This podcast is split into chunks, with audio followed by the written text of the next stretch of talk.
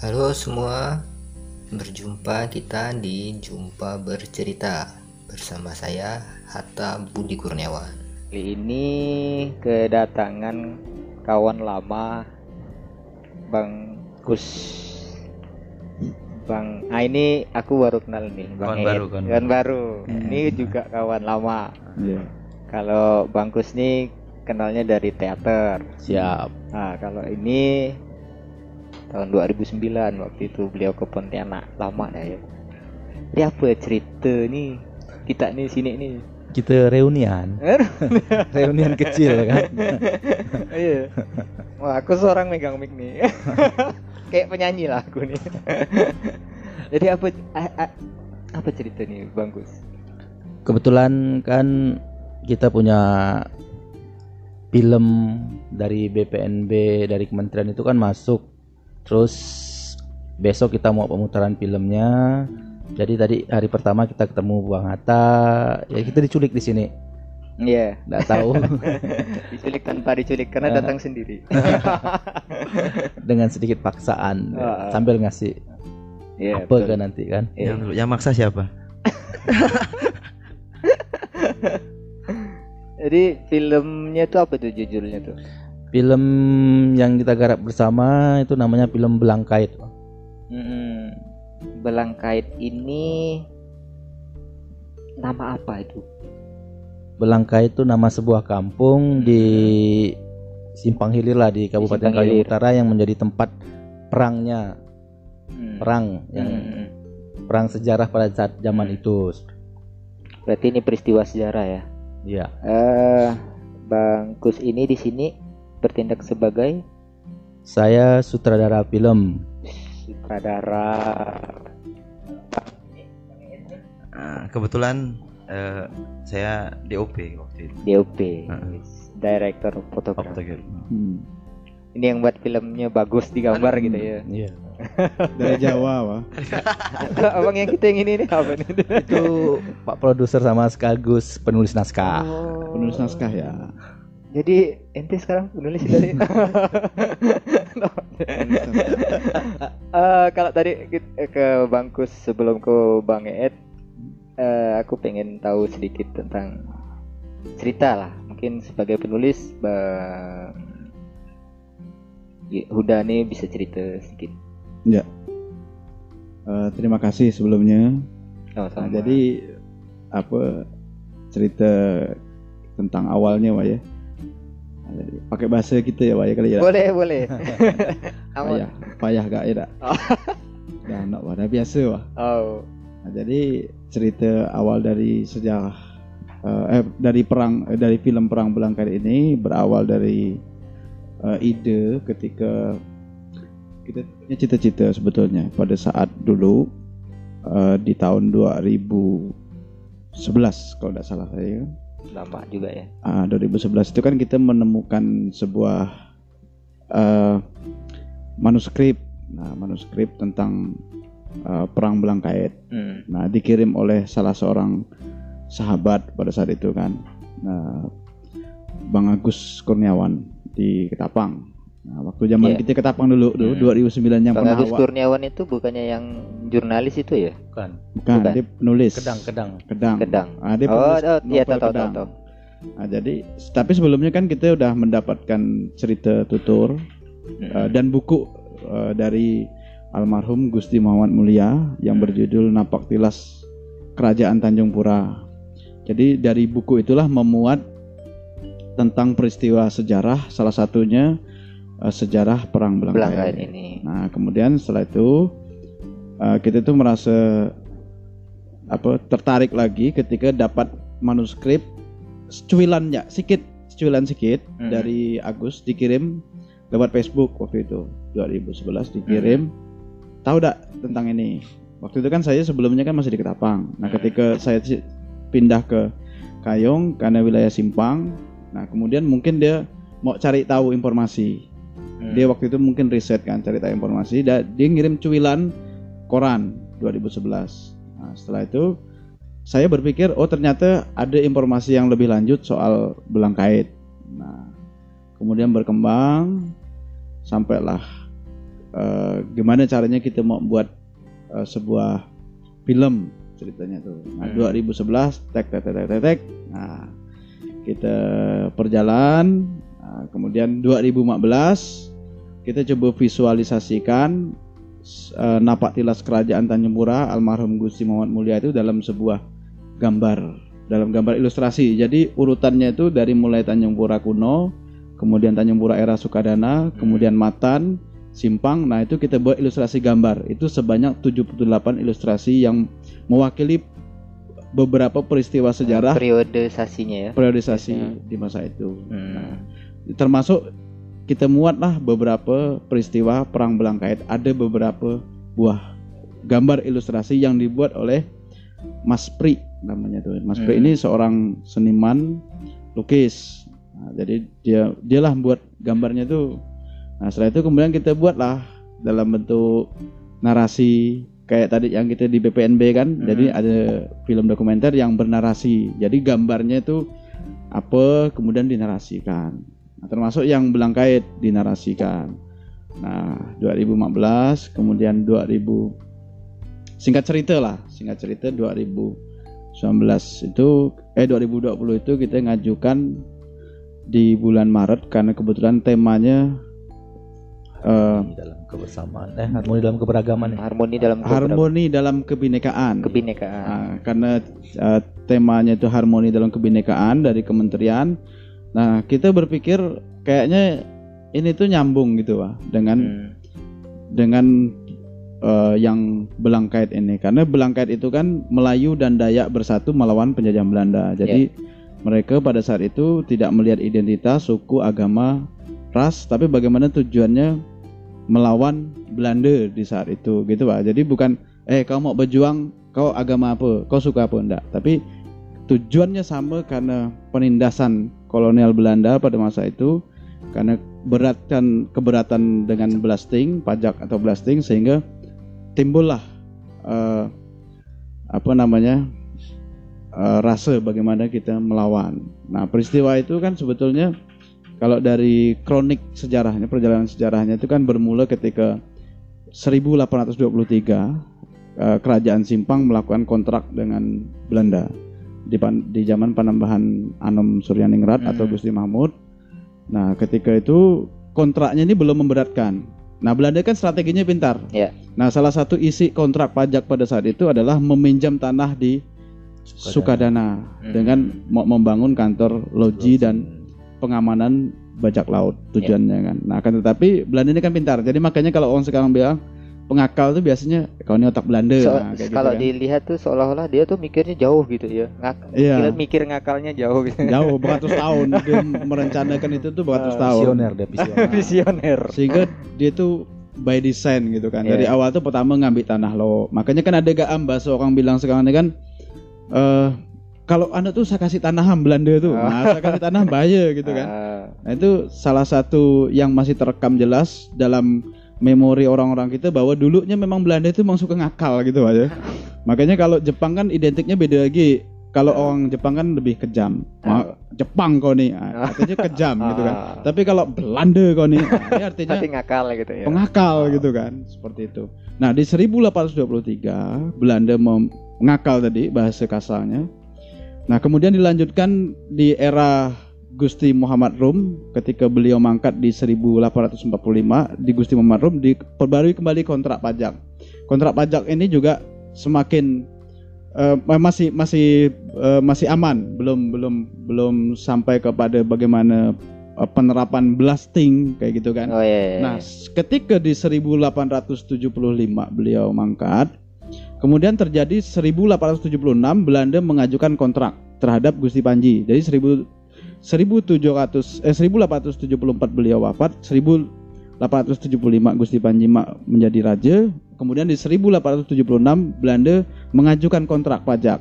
Nah, pada saat itu dari berbagai catatan dan liter- literatur manuskrip yang kita temukan, mudah-mudahan saya tidak salah ya. eh Belanda ini mencoba untuk eh, menerapkan blasting. Nah, ada blasting itu kontrak pendek yang isinya adalah menekan rakyat, ada pajak diri, ada pajak sungai, ada pajak kebun pajak aneh-aneh. Ya. Nah, sehingga ini merasa keberatan. Nah, puncaknya eh apa pertama kali peristiwa yang merasa orang protes secara keras, keberatan itu tercatat juga dalam Quran Belanda di 1885. Jadi Hmm. ketika itu ada seorang demang dari Semandang Kiri di Simpang itu protes dengan membunuh utusan dari eh, kolonial Belanda dari Panembahan yang eh, maaf eh, dari kerajaan yang eh, pada saat itu berkoloni berkoloni dengan Belanda. Hmm. Cuma saya tidak sebut, sebetulnya disebut pun tidak masalah. Hanya kan masalahnya kalau kita menyebut tuh kadang-kadang penilaian orang tuh lalu, wah ini nanti eh, ini nih, oh berarti pengkhianat. Tidak seperti itu. Sebetulnya namanya Ada sejarahnya kan ya berarti. hitam putih itu tidak boleh kita bahas sekarang. Ya. Artinya sekarang ini kan konteksnya nasionalisme. Kalau dulu kan oh, belum ada Indonesia kan, jadi masih sah saja. Kau mau kerjasama dengan Belanda, mau kerjasama dengan Lanon ke, Ya. mau dengan Antu Bangkit selagi kau bisa. Nggak masalah karena belum ada aturan kayak gini kan.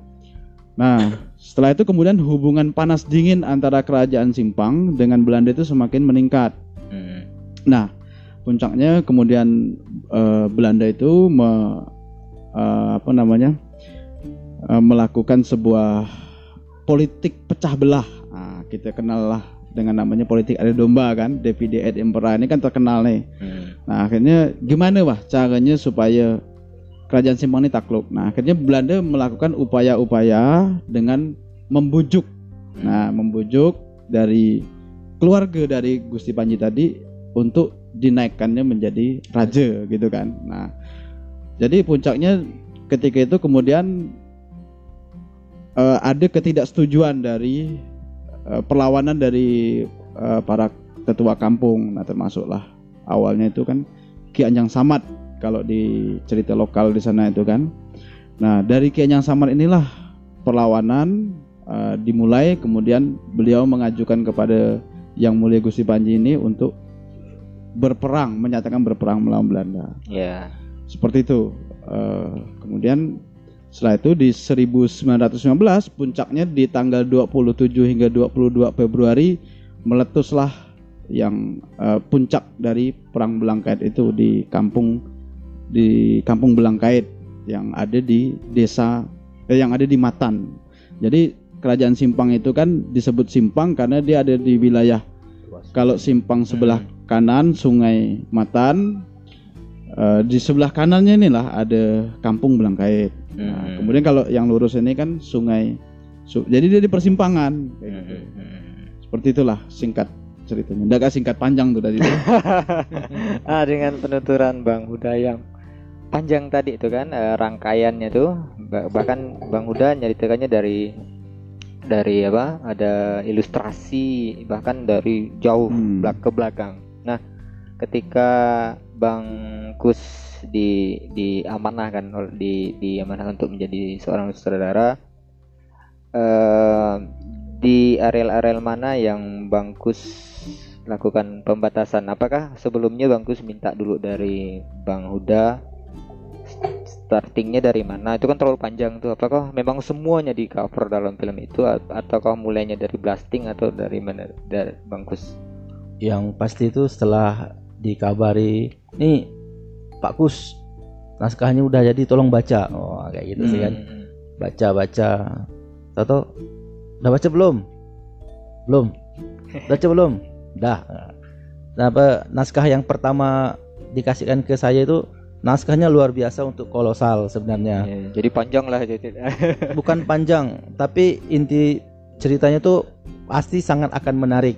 Oh iya iya iya. iya. ternyata sampai ke Jakarta ada miss sedikit ya Pak Hmm, Udaya. hmm, Iya. hmm. Ternyata dengan budget yang Ya, ya. yang keluar sekarang itu tidak bisa mengcover untuk sebuah film kolosal. Hmm. Jadi kita berpikir bagaimana film ini tetap jadi dengan dana yang minim tapi kelihatan wah seperti Hmm. itu. Hmm. Jadi berpikir pembatasan udah dibuat di naskah tersebut dari Hmm, hmm. Bang Udanya sendiri sih. Oh gitu. Gitu. Jadi ini memang kategorinya film cerita ya. Ya, film Semi kolosal bang. semi kolosal. film kolosal. Oke. Eh, startnya dari Belangkait. Startnya- Perhara di maksudnya masalah di yang Belangkait. Iya. Ba- Masalahnya konfliknya adalah blastingnya, Blast, oh, dari blasting ya, Iya. blasting pajak itu tadi ya. Hmm. penolakan masyarakat Hmm. simpang terhadap blasting. Hmm. Ada berapa ada berapa lakon yang dilibatkan di sini, Bang Gus? Lakon kalau kita hitung semua kru hampir 100 100 lebih pak 120-an lah. Wow. Luar biasa juga. Jadi penasaran nih nonton besok, besok kan ya? Insya Allah besok. Besok ya. Besok. Ah, kita agak geser ke Bang Ed nih yang Bang Ed nih kayaknya pengen ditanya nih dari tadi ya. udah gelisah dia. Gelisah dah. kalau bahasa kami itu beginsang Alamak beginsang. Eh, Bang Ed, Ya. eh, apa tawaran yang Bang Ed berikan di sini untuk ya mengimbangin eh, cerita manuskrip beliau dan kemudian ditulisnya dan ide dari Pak Sud ini? Jadi ah kayak ceritakan tentang sedikit apa namanya awal ya. Awal. Sebenarnya Nah, dekat dekat. apa? Jadi intinya gini, buk- saya waktu itu tidak bisa menawarkan sesuatu untuk film ini awalnya. Hmm, Nah, karena kan- karena apa tuh? Karena gini, ini kan emang tim yang 120 orang ini kita kita kita dari eh, eh, apa namanya ya? Setidaknya dari ruang yang berbeda-beda maksudnya. Hmm, Saya kan sendiri basically-nya adalah musik gitu, musik, suka hmm, musik. Terus tapi kita main konten lah, kita kenalnya lewat Iya, konten. iya. Nah, terus beliau di sejarah kebudayaan, terus beliau juga sama. Jadi kita awalnya cuman sekedar sharing-sharing gitu. Tiba-tiba ditawarkan, duk gitu. Wih, tiba-tiba DOP. Ini bukan bukan ada tawar menawar enggak. Langsung tunjuk, dus gitu. Keren kan? Nah, jadi jadi saya tidak bisa menawarkan sesuatu. Saya sudah bilang ini gila nih karena dengan jam terbang dan lain sebagainya kalau untuk sebuah film eh saya menganggapnya ini sebuah film besar karena ini adalah film pertama yang saya bikin Sebagai DOP. sebagai DOP gitu. Sebagai sutradara sudah pernah kali. Waduh, jauh banget. Belum kabel pernah, belum kabel. kameramen dari jauh pak ya, jadi begitu. Hmm. Akhirnya emang mau nggak mau harus mau karena sudah ada gitu. Dengan semangat intinya. Jangan semangat belajar bersama intinya setelah gitu. Karena ini sejarah ya. Sejarah dan saya orang simpang gitu. Ya. orang Ada Simpang terpanggil asli. gitu lah terpanggil. Ayolah kita maju sama-sama dan kebetulan eh girohnya kan untuk belajar bersama intinya gitu. Jadi Hmm. apa pun nanti ada problematika di ketika teknis eh, eh, produksi dibuka sarana untuk sharing gitu jadi kita ndak bak- ndak kaku lu eh ente ente nih di UP nih Hmm. tanggung jawab masalah gambar enggak enggak Ya, harus ya. gitu Oke oke oke. emang bahasanya aja keren Hmm. cuma nanti ada sharing gitu Hmm. Nah, ada solusi solusi itu kita ambil sharing Siap. Hmm. Jadi dari memang kalau yang aku kenal di simpang berarti simpang mandiri kan ya. Hmm. Simpang mandiri itu sejak berapa tahun tuh bang? Udah dari 2005 2005 ya. Nah, Dan tapi kan 2005 tuh hitungannya kan anu Pak, istilahnya tidak terorganisir dengan baik. Nah, 2009 itu udah mulai kita dalam bentuk organisasi. Tapi juga sumber dayanya masih juga eh, sulit gitu kan. Makanya kan termasuk kawan-kawan di Pontianak termasuk se- ente itu kan Eh. memiliki peran juga sebetulnya dalam hal ini. Oh, Me, gitu. eh, me- transfer ilmu kan. Nah, bangkus. Nah, kameramen dari Jawa nih DOP ini senior. Allah. Tuh. Kayak gitulah intinya kan. Ah. Jadi nama Simpang Mandiri sendiri pun sebetulnya terinspirasi dari nama daerah Iya. gitu kan. Jadi itulah identitas kita gitu kan. Jadi jangan sampai kita ini melepaskan identitas kita. Termasuk di Pontianak kan, mungkin kawan-kawan di Pontianak juga eh, Pontianak ini udah banyak diekspor bagus gitu kan secara kesejarahan itu luar biasa lah. Jadi kalau ketik Pontianak di Google tuh nyaman lah caranya. Tapi kalau Hmm, kampung macam tempat kami ini kayaknya agak sulit gitu kan. Makanya siapa lagi lah kalau bukan orang kampung yang ngangkatnya. Kita nunggukan orang dari luar bila lagi gitu kan. Ya. Tapi intinya bahwa semangat kita adalah sama kawan-kawan ini memiliki semangat berkreativitas, berkarya, melewati apa pun. Kita tidak akan mau merubah bentuk mereka yang musik silakan musik kan. Tapi di situ kan ada nafas identitas kita. Bagaimana eh, mereka berkarya melewati musik tapi juga ada identitasnya ti- tidak ditinggalkan Oke. dengan bahkan kalau yang main game sekarang misalnya kan nah, dengan identitas yang ada di lokal silahkan kalau memang bisa kan seperti itu. Hmm. artinya orang yang bergame yang beridentitas gitu gitu ada. Game yang berbudaya misalnya kan. Gitu. Bi- bisa jadi seperti itu kan. Kan beda dengan orang yang game cuma game-gamean gitu kan. Seperti itulah. Nah saya tambahkan sedikit soal sejarah. Ada, ada tuh. ada. Ada tuh. kita buat lah istilah itu kita buat. Ya, ada. Ah, saya tambahkan sedikit soal sejarah eh, perlawanan terhadap kolonial Belanda ya bang. Hmm. Jadi sebenarnya di Kalimantan Barat itu di era yang sama ada beberapa yang sama pada saat itu Meletus melakukan gitu ah, meletus. Perlawan. Misalnya Landak, Perlawanan. perlawanan yang ada di Landak itu kan. Nah sehingga ketika selesai perang Belangkait, nah beberapa eh, organisasi pergerakannya kan berkumpul. Ada dari Landak, dari eh, Kapos Hulu, kemudian dari tidak salah saya Sambas, ya kan. Mereka mendirikanlah termasuk Simpang kan. Mereka mendirikanlah pergerakan yang namanya Sarekat Rakyat di 1926.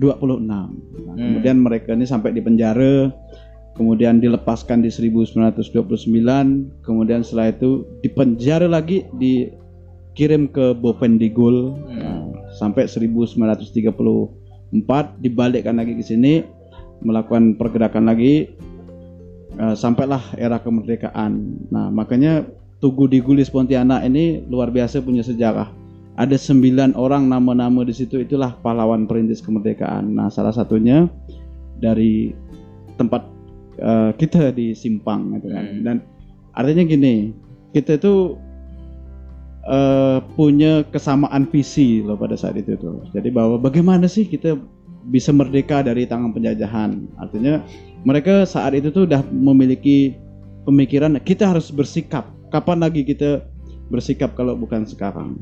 Karena udah sekian lama kena jajah oleh Belanda. Nah, seperti itulah kira-kira. Hmm. Nah, sehingga terjadilah beberapa perlawanan-perlawanan seperti itu, Bang. Nah sebelum saya ke Bangkus, saya mau coba eh, ini tanyakan tentang apakah ide atau planning untuk membuat Blangkait ini timbulnya saat ada katakanlah ada info FBK atau Bang Huda di, atau kawan-kawan simpang mandiri itu udah sebenarnya udah ngumpulkan materi itu jauh sebelumnya untuk rencana film Blangkait Iya. Udah lama gitu dari udah lama 2011. sebenarnya yang, yang tadi itu kan Mm-mm. berarti pas ada FBK coba Ah. dan sesuai dengan tema tadi itu kan Iya. itu tadi kan Banyak sih sebetulnya ide-ide yang stoknya itu banyak. Sampai kami mati ini pun tidak pakai ya. selesai. Woi, luar biasa itu Jadi artinya yang harus eh, difilmkan dalam bentuk dokumentasi sejarah itu banyak gitu. hmm, Sampai kami mati pun mungkin tidak akan habis Habis. betul soal Kalimantan Barat. betul setuju gitu. setuju nah kita balik lagi ke Bangkus nih eh lakonnya tuh ada ratusan pelakonnya tuh. Terus yang digarap peristiwa sejarah. Eh tentunya sulit tuh.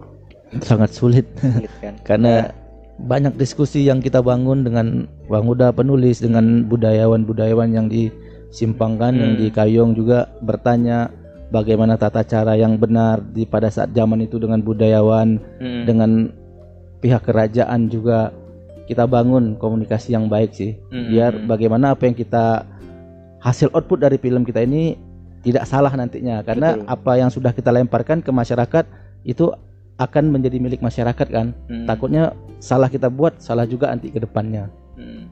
Untuk proses produksi itu sempat gak sih? eh eh ya sambil minum ya, minum. Iya.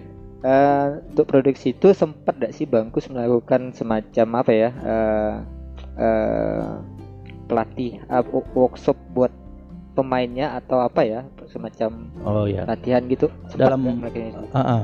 proses pra kita sebelum pro produksi itu ada satu bulan kita dengan ada cost act-nya juga Oh, ada ya. ada jadi setiap dalam seminggu itu lima kali pertemuan sampai satu bulan jadi ada pelatih actingnya sendiri kalau kita tidak melakukan pelatihan dengan acting itu mungkin film dalam dalam kita syuting 8 hari Pak Udaya. Hmm. 8 sampai 10 hari itu mungkin enggak selesai-selesai.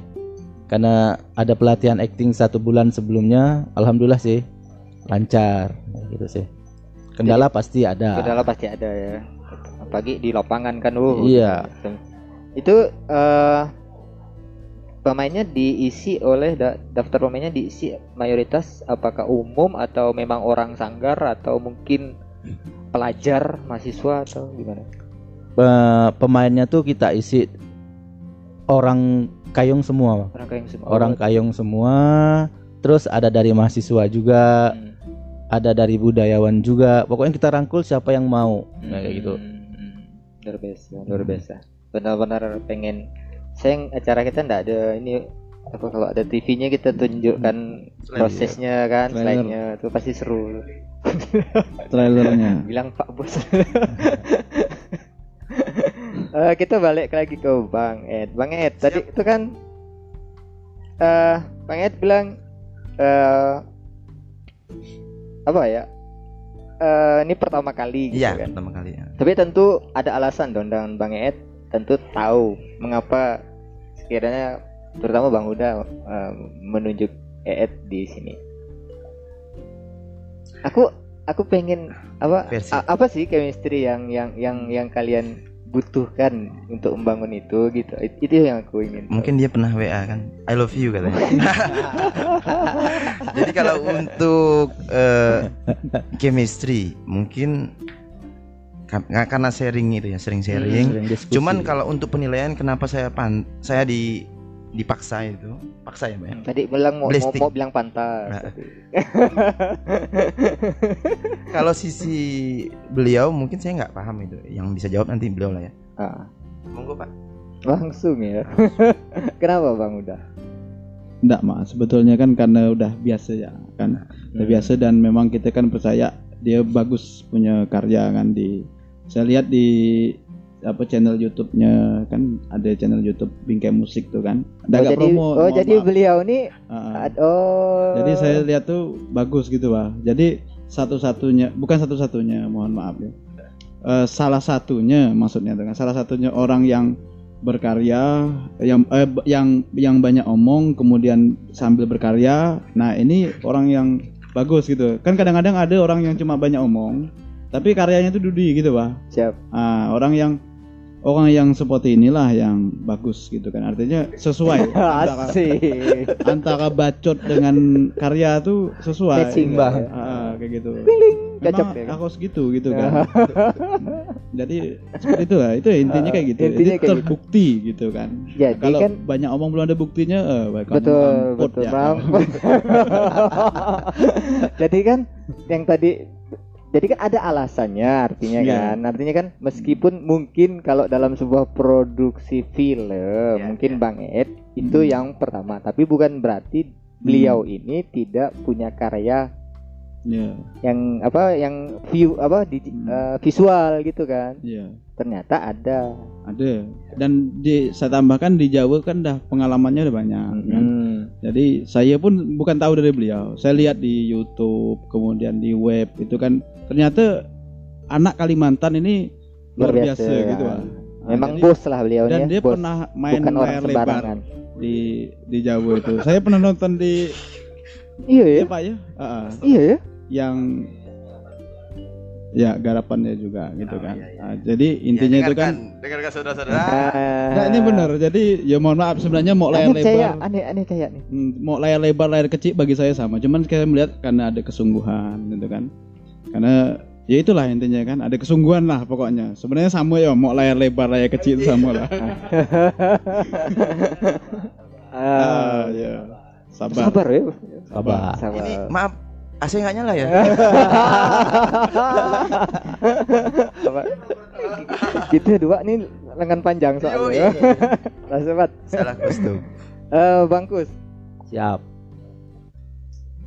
Eh, apa yang bisa Bangkus sebut apa ya? Apa yang bisa Bangkus rekomendasikan atau banggakan sehingga kawan-kawan hmm, akan apa ya? Akan nonton ini dari film Belangkain ini?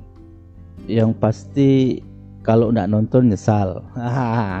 Kenapa nyesal? Karena di situ peristiwa sejarah Betul. mungkin banyak orang di khususnya Simpang Hilir lah Kayong Utara yang tahu cerita dari mulut ke mulut tapi dalam bentuk visual belum pernah Belum pernah. melihat ya Ah, seperti itu. Betul, betul. Dan ini juga bagian dari sejarah. Hmm. Mudah-mudahan jadi apa ya? Ada pesan-pesan yang te- yang di film itu tuh bisa sampai kepada penontonnya. Hmm. Tapi kalau misalnya dia tidak menonton bagaimana dia Betul, bisa kan? mendapatkan Nah, pesan jadi yang mau besok- kita buat Jadi besok atau kalau besok itu kan pakai ini ya, pakai jam apa? 9. Ah, pakai jam 9 Malamnya kan ada Nah, malamnya juga kalau besok karena pakai ini ya, pakai apa? Pakai undangan gitu kan. Iya. Tapi masih bisa nontonnya lagi di malamnya di Kangwo Iya. Cafe di Pasar Mawar kan ya. Hmm. Itu kalau yang penasaran kita bisa nonton film Belangkait, film peristiwa sejarah di Simpang, daerah Belang di Belangkait itu. Iya. Pasti seru. eh ini eh, terakhir lah ya, terakhir. eh tadi kan eh Bang Uda bilang ada ada ilustrasi. Iya. Nah di film itu apakah Bang Kus tetap menggunakan ilustrasi itu maksudnya secara utuh atau ilustrasi itu dibangun kembali secara visual? Eh, penggambaran apa ilustrasi itu visual ada kita kita bangun juga di set. Jadi kita mendekati apa yang dari sumber cerita dari buku yang dikarang Gus almarhum Gusti Muhammad Mulia. Kita coba pendekatannya Hmm, hampir hmm, sama. hmm, hmm, hmm. Bagaimana dia duduk di kursi berhadapan dengan apa yang diceritakan. Hmm, hmm, hmm. Gitu. Tata keramanya saat itu Iya. gitu ya. Oh ini udah pasti keren. Ini apalagi at- di ini kan Ba- Bang Eet lagi yang Iya dong. OP kan. Jawa kan. Senior kan? Betul. Ngakuin Ah. gua senior. Tambahan lagi udah pasti keren kenapa? Karena ini produksinya Simpang Mandiri. Mandiri. Hmm. yang setiap tahun kalau simpang mandiri ini eh, misalnya membawa orang Ngirim untuk lomba film. ah, lomba film di Kalimantan Barat Iya. Kan? Itu luar sampai biasa. nasional Iya. hampir hampir tahun demi tahun menang gondol. Hmm. Gondol Ah. rasanya. artinya memang oh ini pasti bagus filmnya lain ini Sebenarnya begini, Pak. ah Itu tuh apa berlebihan, Pak. Bonus. Ah, bonus ya, Pak. Kita tuh kan melakukan itu tuh karena ada sesuatu yang ingin kita sampaikan. Jadi bukan karena sebuah nilai nilai duitnya gitu kan. Nah, tapi karena ada sebuah sesuatu yang ingin kita sampaikan, harus kita buat dalam bentuk apa pun. Salah satunya media film gitu. Nah, saya tambahkan tadi mengenai tata krama itu mohon maaf sebelumnya apabila dalam menyaksikan tayangan ini eh, semuanya sahabat-sahabat semua mungkin ada yang tidak berkenan dalam film itu nantinya Eh, misalnya mengenai tentunya ini kan prospektif sekali ya Pak ya. Eh, bang, formal benar ujoh Eh, bisa kayak gini contoh misalnya kan ketika film itu kemarin kita produksi foto itu kan nyebar di medsos. Oh ini enggak sebenarnya enggak kayak gini gitu kan. Ya kan perspektif ya Pak, ya Bang ya. Nah, kan tentu enggak kami benar, belum tentu enggak dia juga benar. Ya. Nah, misalnya soal bagaimana cara duduk aja, ah kayak gitu kan. Ya karena kita ini tidak pernah hidup di masa itu. Hanya cuman kan metode kita dalam bersejarah itu bagaimana cara mendekati sejarah itu. Kan ada yang melewati tutur lisan, ada yang melewati pendekatan manuskrip dan lain sebagainya. Sayangnya dari berbagai manuskrip itu kita memang tidak menemukan kalau raja itu setiap kali duduk itu Ya. matanya Nggak sebelah sampai- misalnya. nggak kan. sampai ke situ Nggak sampai ke situ kayak gitu kan. Jadi saya mohon maaf sekali lah Ah, ya, misalnya ya. dalam uh, film ini ada yang tidak berkenan nah, mengenai atribut yang dipakai mungkin tidak sesuai. Kita hanya mencoba untuk mendekati saja. Dan sebetulnya Bang ini pun juga terjadi di film kelas nasional. Misalnya kayak Sultan Agung. Sultan Agung itu kan filmnya itu kan eh, yang dipakai itu kan kain itu sampai jadi perdebatan itu. Oh kainnya itu bukan itu sebenarnya.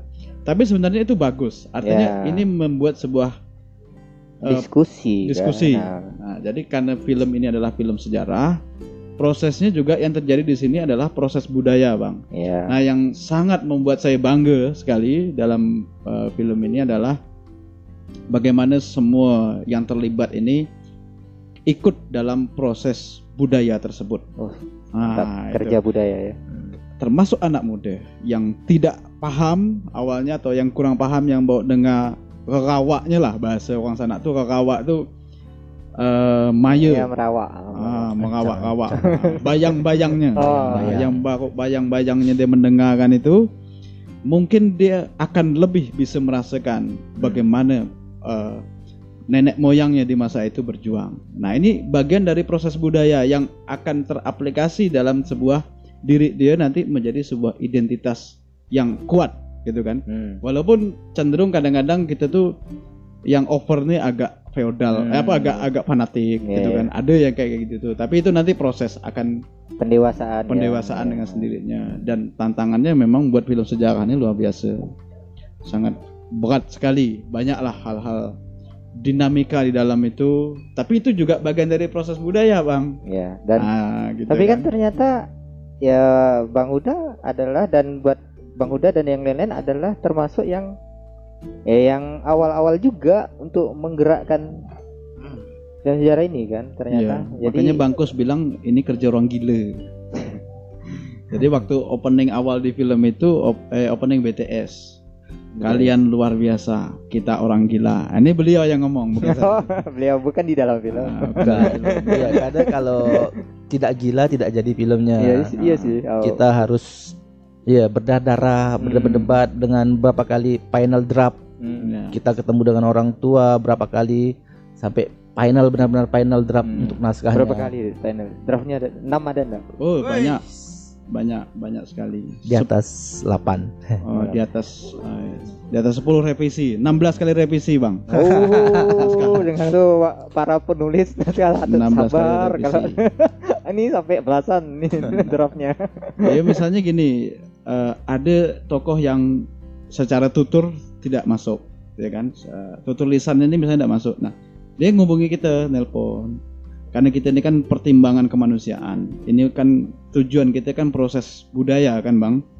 Jadi harusnya ya tidak apa-apa lah kita akomodir gitu kan. Kan kalau bisa kan kita sebanyak mungkin kita akomodir. Ya mohon maaf kalau kita mau bisnis ya kan dalam hal Ya. ini dalam bisnis ya udahlah kita batasi. Ya, frame-nya Ah. berbeda gitu ya. Ya, Iya, perannya ya, paham. berbeda. Nah, makanya saya pun pernah ngomong juga sama kawan-kawan dengan Pak Sutradara, kemudian dengan Pak DOP, dengan kawan-kawan yang lain juga lah. Saya bilang film kita ini tidak harus bagus.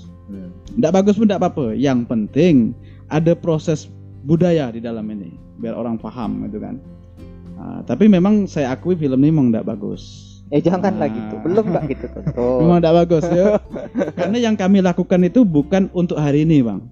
Yang kami lakukan itu untuk ratusan tahun yang akan datang Hmm. supaya ini menjadi dokumentasi sejarah yang betul-betul bisa menjadi salah satu referensi walaupun tidak eh, sempurna. Oke, batu pijak gitu ya. Ya, seperti itulah. Senior bijak. Eh. Oke lah kawan-kawan, eh, sekiranya kita cukupkan dulu obrolan jumpa bercerita kali ini. Eh, berikutnya kita akan ngobrol-ngobrol lagi sorry. Jadi ya ini memang adalah dua kawan lama, kecuali Bang Ed ini kawan baru. Ini kita ketemu akhirnya melalui kegiatan pemutaran eh, film peraih FPK. FPK 2020 yang salah satunya adalah mereka eh, Simpang Mandiri yang yang yang lolos pada seleksi tahap pertama gitu ya. Eh, terlepas dari bagaimanapun hasil eh, film yang akan kita nonton nan- nanti, tapi kalau aku berkeyakinan ini pasti bagus. Karena tadi kita pas saat diskusi kita bilang tidak ada karya yang jelek kan. Ya, gini Bang, maksud saya itu saya ngomong tidak bagus tuh dalam artian eh biar orang nonton bah. Benar benar enggak ya gitu ah. Dia pakai anomali nih. Oke lah kawan-kawan eh, Dan kita siap kasih. dikritik bang. Siap ya. Ya siap Kit- dikritik. Besok kita kritik. Ah, Ya. Ah, kita siap dikritik, beri masukan karena itu yang membangun kita. Kalau tidak ada kritik kita Bujaram. tak akan revisi sampai 16 kali. betul Eh kau untuk apa lah nak revisi-revisi apa hak kau misalnya kan? betul betul. Oke lah ya kita sudahi terima kasih buat kawan-kawan yang sudah datang di ini live ini live kita nanti live di IG Cyberdaya Talks Eh, semoga obrolan kita ini benar-benar bermanfaat dan Iya. bisa memberikan secercah harapan dan lain-lain ke depan oke terima kasih selamat malam Dadah.